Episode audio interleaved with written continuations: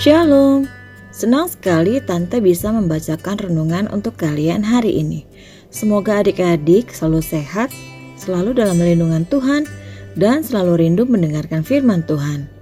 Biarlah renungan hari ini boleh masuk dalam hati dan pikiran adik-adik dan memberikan hikmat pengetahuan akan firman Tuhan. Biarlah firman Tuhan menjadi pelita dan terang bagi hidup adik-adik semua. Tema renungan hari ini adalah ke-10 orang kusta. Dengan bacaan Alkitab dari kitab Perjanjian Baru, Injil Lukas 17 ayat 11 sampai 19. Mari siapkan hati kita berdoa. Tuhan, saat ini kami hendak mendengarkan firman-Mu. Berilah pengetahuan dan bimbinglah kami agar firman-Mu dapat kami mengerti dan pahami sesuai kehendak-Mu. Bukalah hati dan pikiran kami untuk mendengar dan menerima firman Tuhan.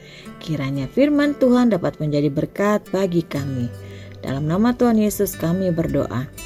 Amin. Lukas 17 ayat 11 sampai 19 dengan judul perikop ke-10 orang kusta. Dalam perjalanannya ke Yerusalem, Yesus menyusur perbatasan Samaria dan Galilea. Ketika ia memasuki suatu desa, datanglah sepuluh orang kusta menemui dia. Mereka tinggal berdiri agak jauh dan berteriak, Yesus, Guru, kasihanilah kami. Lalu ia memandang mereka dan berkata, Pergilah, perlihatkanlah dirimu kepada imam-imam. Dan sementara mereka di tengah jalan, mereka menjadi tahir. Seorang dari mereka ketika melihat bahwa ia telah sembuh, kembali sambil memuliakan Allah dengan suara nyaring. Lalu tersungkur di depan kaki Yesus dan mengucap syukur kepadanya. Orang itu adalah seorang Samaria. Lalu Yesus berkata, Bukankah ke sepuluh orang tadi semuanya telah menjadi tahir? Di manakah yang sembilan orang itu? Tidak adakah di antara mereka yang kembali untuk memuliakan Allah selain daripada orang asing ini? Lalu ia berkata kepada orang itu, Berdirilah dan pergilah, imanmu telah menyelamatkan engkau. Demikian firman Tuhan. Adik-adik, dikatakan dalam nats ini, Tuhan Yesus sedang melakukan perjalanan menyusuri perbatasan antara Galilea dan Samaria Daerah itu adalah daerah terpencil, daerah yang paling jauh dari Samaria dan juga paling jauh dari Galilea, berada di perbatasan. Tetapi di tempat terpencil itu hidup sekelompok orang yang sengaja diasingkan karena mereka menderita penyakit kusta. Akan tetapi, di tempat yang terpencil itu Tuhan Yesus datang menjumpai mereka yang berjumlah 10 orang. Penyakit kusta adalah penyakit kulit yang sangat mengerikan yang bisa menyebabkan bagian-bagian tubuh manusia terkelupas dan terlepas.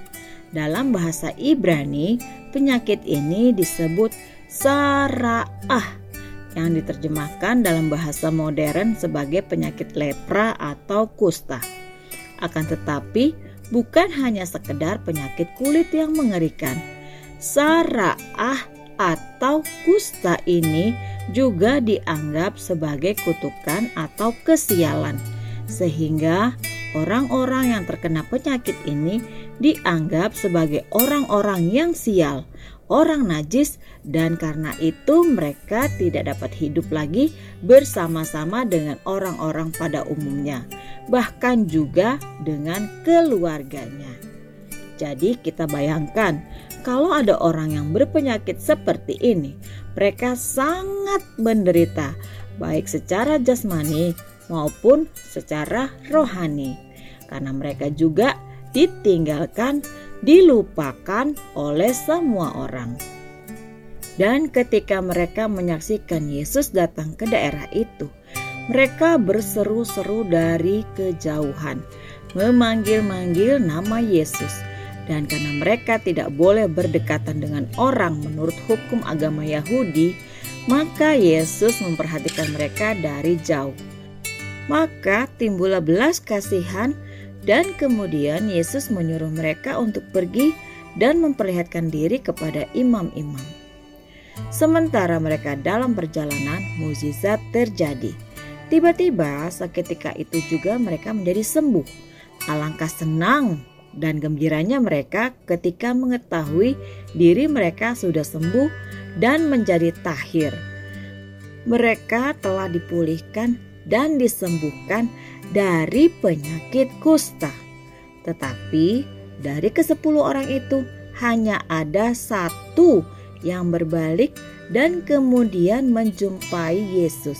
Dan dengan suara yang nyaring sambil dengan penuh sukacita berterima kasih kepada Yesus dan memuliakannya. Apa yang adik-adik lakukan saat sedang sakit? Kalau kita sakit, tentunya kita pergi ke dokter dan juga berdoa kepada Tuhan, minta kesembuhan. Apa yang adik-adik lakukan setelah sembuh? Tentu mengucap syukur dan tetap jaga kesehatan. Mari kita ucapkan bersama-sama. Aku mengucap syukur dan memuliakan Tuhan yang penuh belas kasih. Sekali lagi, Aku mengucap syukur dan memuliakan Tuhan yang penuh belas kasih. Mari kita berdoa. Bapa di surga, kami mengucap syukur atas belas kasih Tuhan kepada kami saat kami sakit. Tuhan memberikan kesembuhan kepada kami. Ajar kami Tuhan agar selalu mengingat kebaikan Tuhan, mengucap syukur dan selalu memuliakan Tuhan. Kami mau menceritakan perbuatan Tuhan kepada semua orang. Terima kasih ya Tuhan, dalam nama Tuhan Yesus. Amin. Demikian renungan hari ini. Belajar dari nats ini, kita mau selalu mengucap syukur dan memuliakan Tuhan atas segala belas kasih dan kebaikan Tuhan yang sudah kita terima. Tuhan Yesus memberkati.